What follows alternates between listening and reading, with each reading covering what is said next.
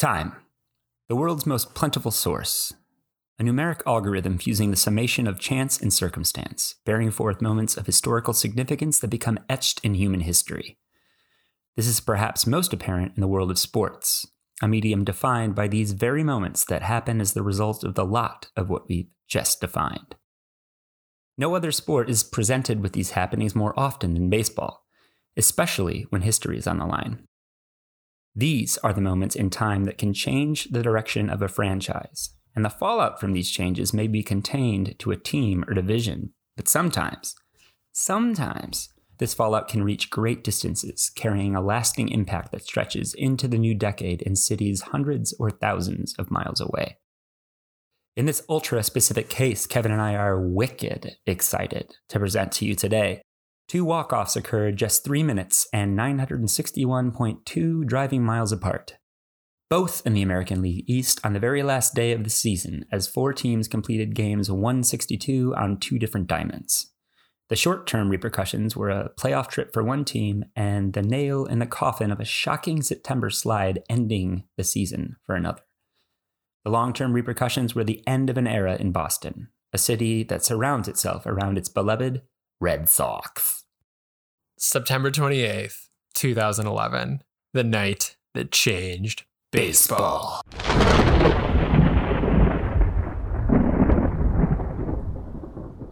Okay, maybe that's overblowing it a bit. But there are very few nights in sports history where you can pinpoint the moment which would lead to changes in the rules of a competition. And there are also very few nights you can see a dynasty, spaced out as this one was, dissolve before your eyes. Both of these happened that fateful Wednesday night at the true mecca for baseball, a venue steeped in the sport's history, somewhere that holds a special place in the hearts of players and fans. I'm speaking, of course, of Tropicana Field, St. Petersburg, Florida. Neither of us have been, but we hear it's cozy.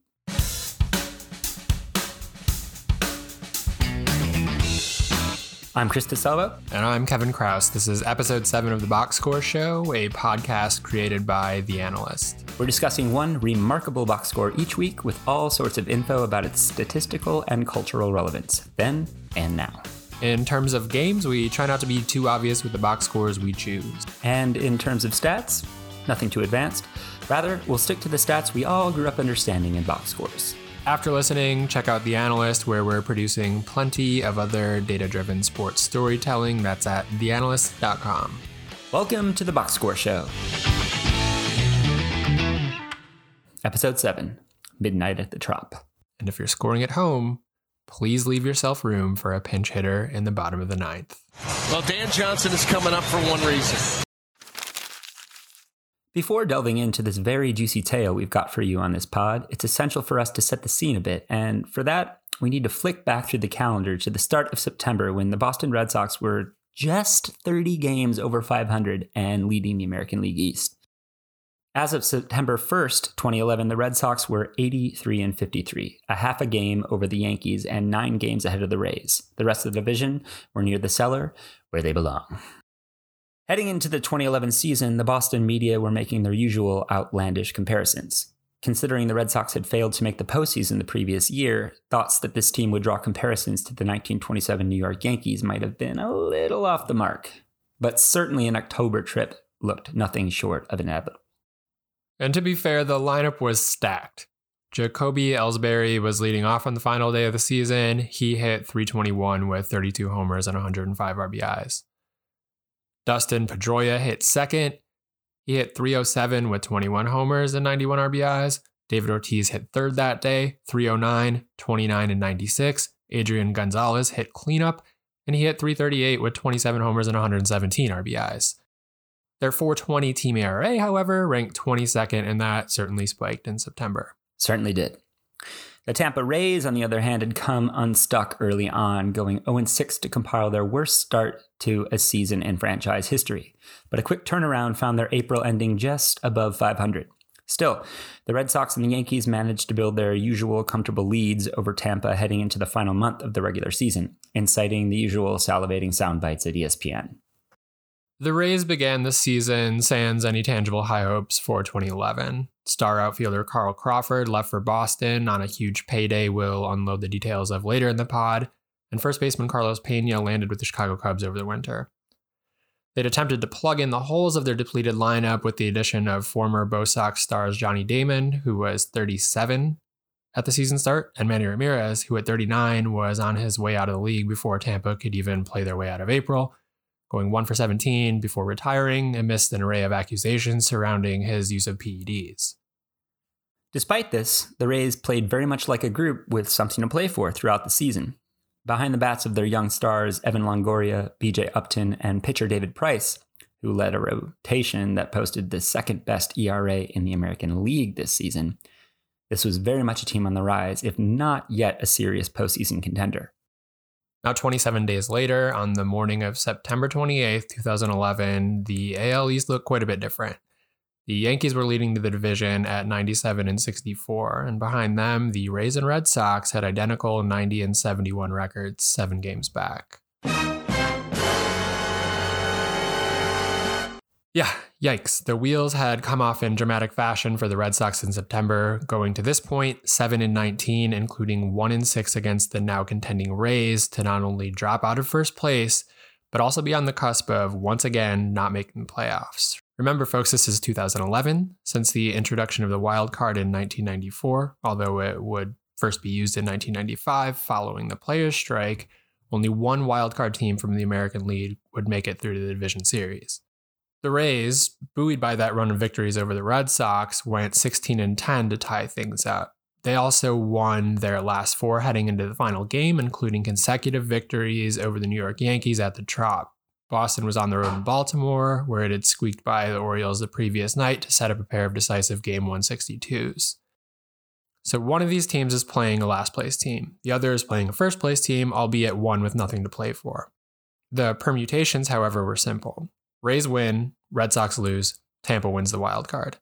Red Sox win, Rays lose, Boston wins the wild card. Both teams win or lose. Game 163 the following day, 4 p.m. in Tampa. But let's not get ahead of ourselves. We have the final game of the season to play. And finding himself in a must win situation, manager Joe Maddon went with his ace, 25 year old David Price.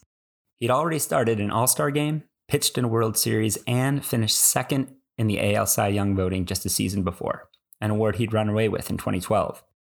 However, despite being named the Rays' opening day starter in 2011, the rest of the season had not been as kind to the young Southpaw. He wound up with a 12 and 13 record and a 335 ERA. But his recent form against the Yankees was stellar, giving up just three earned runs in his previous 15 and a third innings of work. Up at Camden Yards, meanwhile, the Red Sox had very little to worry about. Jon Lester was taking the mound, looking to underline his daddy status over the Orioles, having gone a perfect 14 0 against the franchise during the course of his career. The game started well for Price, striking out leadoff man Derek Jeter with a little help from Joe West. I mean, who else could possibly be behind the plate on a night like this other than Joe West? Early in the season, Jeter had joined the 3,000 hit club off of Price at Yankee Stadium, becoming one of only three players to do so with a home run. The 3 2. That one's drilled deep to left field. Going back, Joyce. Looking up. See ya! 3,000. History with an exclamation point. Oh, what a way to join the 3,000 hit club. Derek Jeter has done it in grand style. Was alongside teammate Alex Rodriguez, both doing so in New York, and Wade Boggs, who achieved his feat at, you guessed it, Tropicana Field. You see, steeped in baseball history. Two and two is the count. And there's a drive.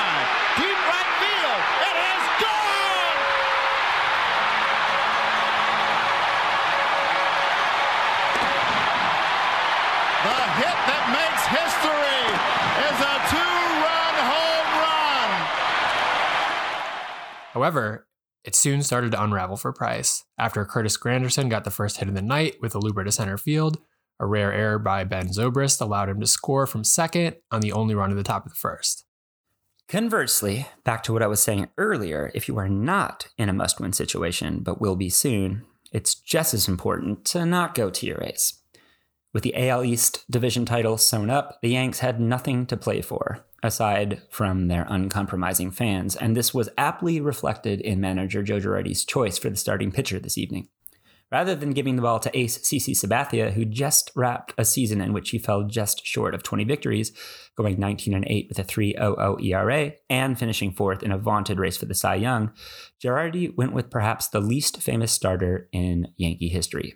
23 year old Dellin Betances, who'd wind up 21 and 23 in his 10 year career for both the Bronx Bombers and the Mets.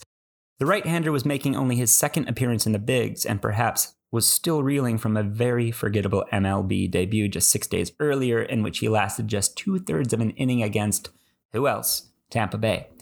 He walked four Rays, hitting another, surrendering two runs before quickly being yanked to stop the bleeding. A similar story looked to be unfolding here as well, with early walks to BJ Upton and Evan Longoria bringing Larry Rothschild, ironically enough, the inaugural Devil Rays manager, but now Yankees pitching coach, out of the dugout. Whatever soothing words were said did the trick as Betances struck out the following two batters to get out of the inning without any further damage being incurred. It's in the second where Price's command issues from the first kind of take over.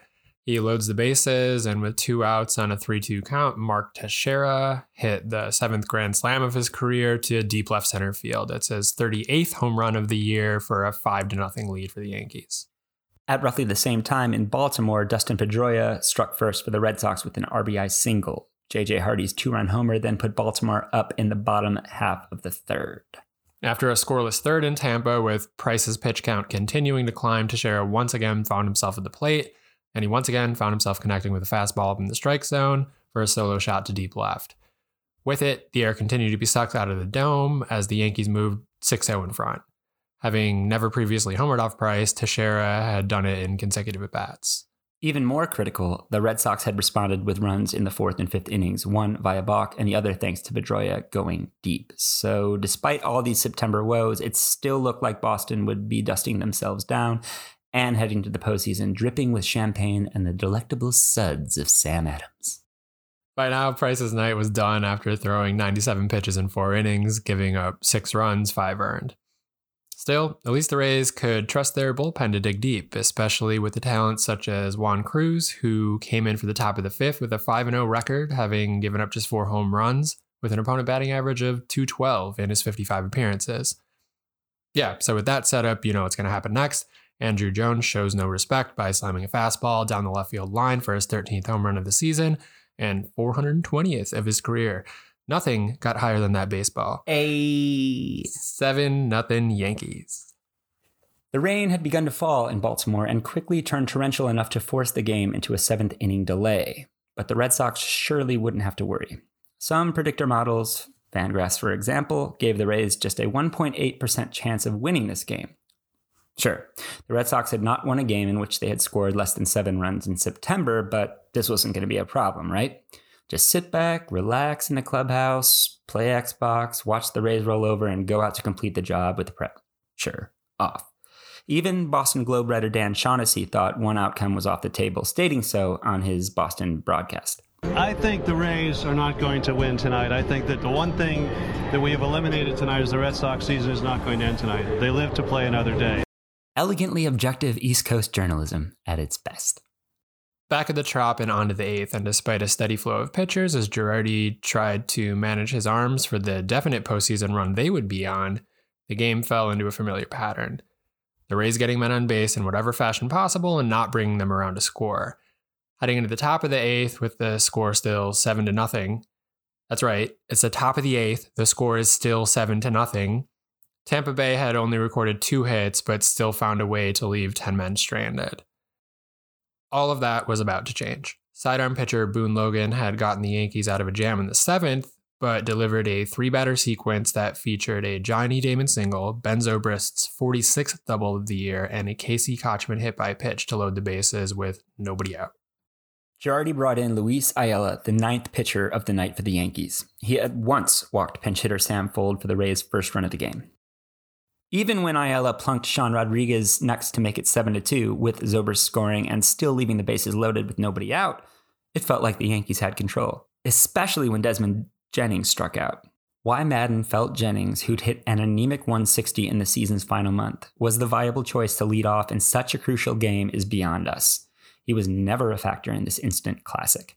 Upton followed by lifting a ball deep into left field that allowed Kotchman to tag up on a sac fly, bringing Evan Longoria to the plate. Ever since being drafted by the Devil Rays with the third pick in 2006, Longoria had been seen as the face of the franchise, and for good reason. In many ways, the success of the team was pinned to his back, something Rays broadcasters Dewayne Staats and Brian Anderson noted as he came to the plate. It would be fun, just for fun, if he hit a long one. Oh. These kind of situations, the ones that Evan was made for. So those words barely had left Anderson's mouth when the first pitch is delivered. And there it is! Long drive! Deep to left! Gone! Longoria hits a long one! A three-run shot! And now it's a one-run ball game! Now, that's a hell of a way to reach 30 home runs for a season. The problem was no more runs followed. So, despite an inning that saw them send 10 men to the plate and score six runs, Rays were still losing 7 to 6. But there is a man for every moment, and the past and future hero was waiting patiently on the bench. Indeed, he was. But it wasn't Joel Peralta. Peralta did the job for the Rays in the top half of the ninth, quickly mowing down the Yanks 1 2 3. And you might expect Mariano Rivera to be getting loose in the Yankees' bullpen at this point. After all, this would be a save situation, and his arm would not have been taxed, having thrown just 11 pitches the previous two days and a total of 28 in the previous week. But again, with the division title in their pocket and one eye in the postseason, Girardi goes to Cory Wade, who had been part of the Rays minor league system earlier in the season. It was the Yankees' 10th pitcher of the night. The MLB record for pitchers in one nine inning game was 10. This tied that. Wade made quick work of Zobrist and Kotchman, retiring them with relative ease. And as the Rays' hopes for the postseason laid in the balance, in steps Dan Johnson. Anyone imperfectly familiar with Rays history or not distracted by the tarps beginning to come off in Baltimore was asking the same head shaking question Who on earth is Dan Johnson? Half of Pepsi's infamous Dan versus Dave ad campaign that sullied America's idea of decathletes for the foreseeable future in 1992? No. this was a career baseball drifter whose lone assignment on this fateful hump day was quickly contextualized by the game's very nervous broadcast team. Well, Dan Johnson is coming up for one reason, and one reason only. Hit the ball out of the ballpark. Now, it's easy just to look at the numbers with Johnson and think all hope was gone. He was hitting 108 with a single home run, three RBIs in 30 MLB games. His last major league hit was back in April. But Rays fans knew who Johnson was, and so did the Red Sox, who were beginning to warm back up in Baltimore. You see, back in September of 2008, his ninth inning pinch hit home run off of Jonathan Papelbon tied a game the Rays would go on to win in extra innings, keeping Boston from claiming the division lead. Tampa Bay would not relinquish first place for the rest of the season, going on to claim their first division title and American League pennant before falling short in the World Series. Now, we'll reiterate there that it was a ninth inning pinch hit home run. Here, though, Johnson was up against a very familiar foe in Wade, the pair having been teammates with the Durham Bulls earlier in the season. No word on the whereabouts of fictional Bulls catcher Crash Davis in this instance, however. We strongly considered reaching out to Academy Award winner Susan Sarandon to inquire, but decided that was the stupidest idea we've ever had. Regardless, this moment was filled with enough drama to allow its own Hollywood scenarios to unfold. Wade literally threw everything he had at Johnson and was able to bring it down to the potential final strike of the game and season, for which we'll hand the call back to Staats. The 2-2 again. Johnson hits it down the right field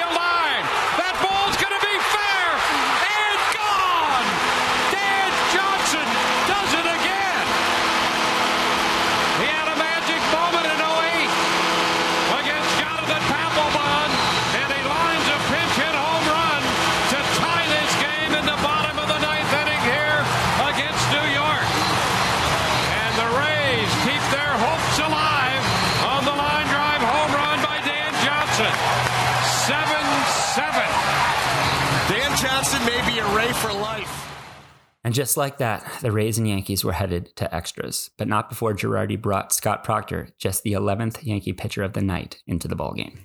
For all the excitement in Florida, though, the Red Sox looked likely to be holding onto their lead in Maryland, meaning at worst, they would be facing a potential game 163. Headed into the ninth in Baltimore, only one man could be headed to the mound for the Red Sox. It's, of course, Jonathan Papelbon and he struck out the first two Orioles hitters to raise their win probability over 95%. However, doubles from the numbers 8 and 9 hitters, Chris Davis, yes, that Chris Davis, who hit five homers this season for Texas and Baltimore, but would go on to hit 53 two seasons later, and Nolan Reimold tied the game at three. And a Robert Andino bloop to left field almost certainly could have been caught by Boston's star offseason acquisition. Fresh off a Gold Glove and Silver Slugger campaign with the Rays in 2010, Carl Crawford made his way north to Fenway Park on a seven year, $142 million deal. It was a move that didn't pay off offensively for him, though. He recorded his worst batting average, 255, and on base percentage, 289, of his major league career. And though he held the third best career fielding percentage among active left fielders through the 2011 campaign, he certainly didn't show it on this play. The ball clanks off his glove just as he slides casually into the shallow left field grass, and his throw home was late. It handed the Orioles a 69th victory and sent the Red Sox racing to the nearest screen to check out what was going on in Tampa Bay. They'd have to hurry. Crawford left the field, his head hanging low, but this wouldn't be his only impact on the winning play in a baseball game that night. Back at the Trop, the game had moved on to the 12th while this was all happening. And the line score in Tampa was New York, seven runs, nine hits, one error, eight left on base. Tampa Bay, also seven runs scored, also nine hits, also one error with 15 left on base. Then there's an out of place celebration in the crowd while BJ Upton is batting that signifies the fans are aware of what's going on.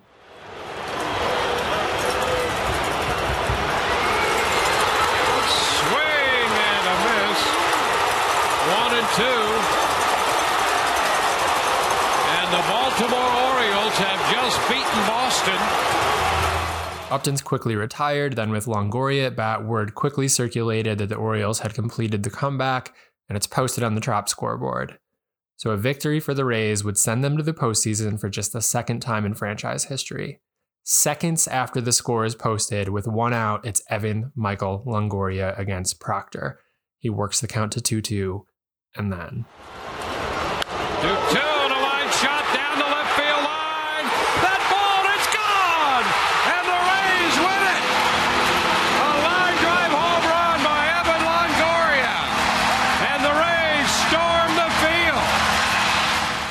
Cue mass chaos on the field as the Rays players and coaching staff exited the dugout to celebrate with Longoria, his arms stretched high to the dome's ceiling as he rounds the bases.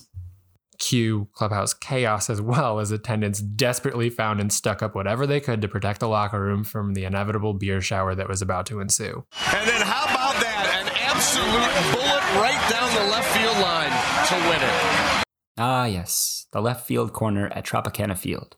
Just 315 tiny feet from home plate, and possibly one of the only stadiums in the league where Longoria's shot would have, to quote Staats, gone.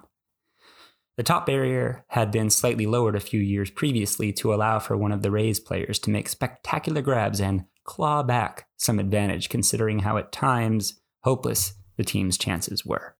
That player was Carl Crawford, the same Carl Crawford who just moments previously had played a part in the Red Sox downfall.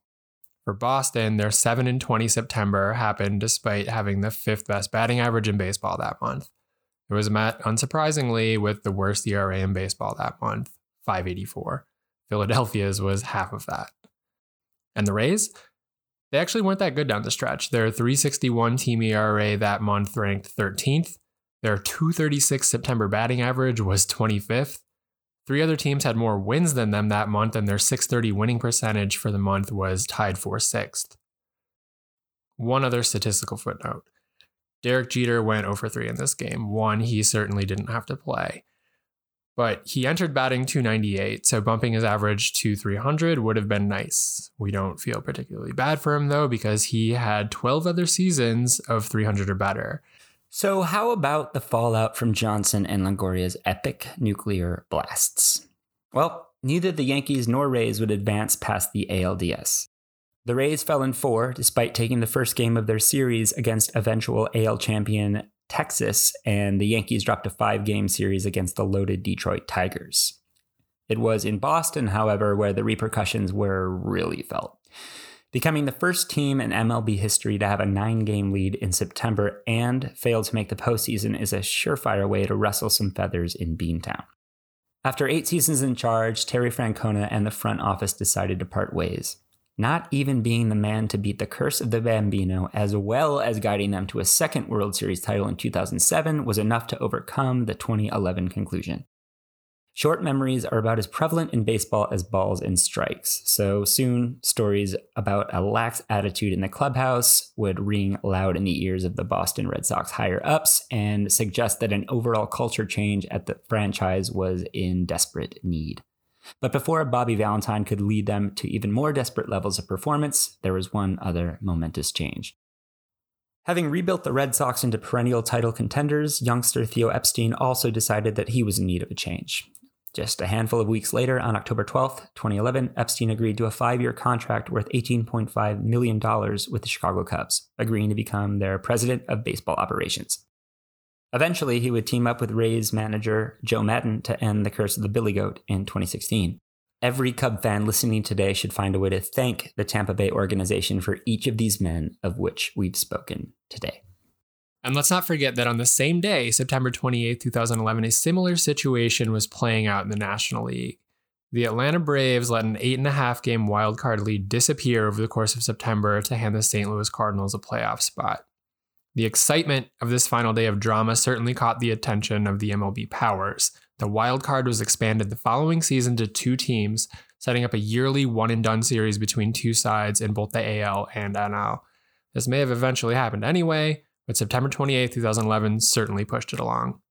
Meanwhile, it is believed that Dan Johnson has never had to buy another drink in the Tampa Bay area. That is, of course, if people recognize him. that is it for the Box Score Show. This episode was written by Graham Bell, Kevin Chroust, and me, myself, and I, Chris DeSalvo. It was also produced by Graham Bell. As always, thanks to the Stats Perform research team for helping us out with this one. Thanks for listening. We'll be back, and until then, head over to theanalyst.com for plenty more data driven storytelling. Send suggestions for box scores you'd like to hear about on the show or read about on the site to editors at theanalyst.com, and please let us know what we missed from this box score. That was Kevin Chroust, and I'm Chris DeSalvo. For episode 8, we'll be trying our hand at football, the American variety. This has been The Box Score Show, a production of The Analyst and Stats Perform.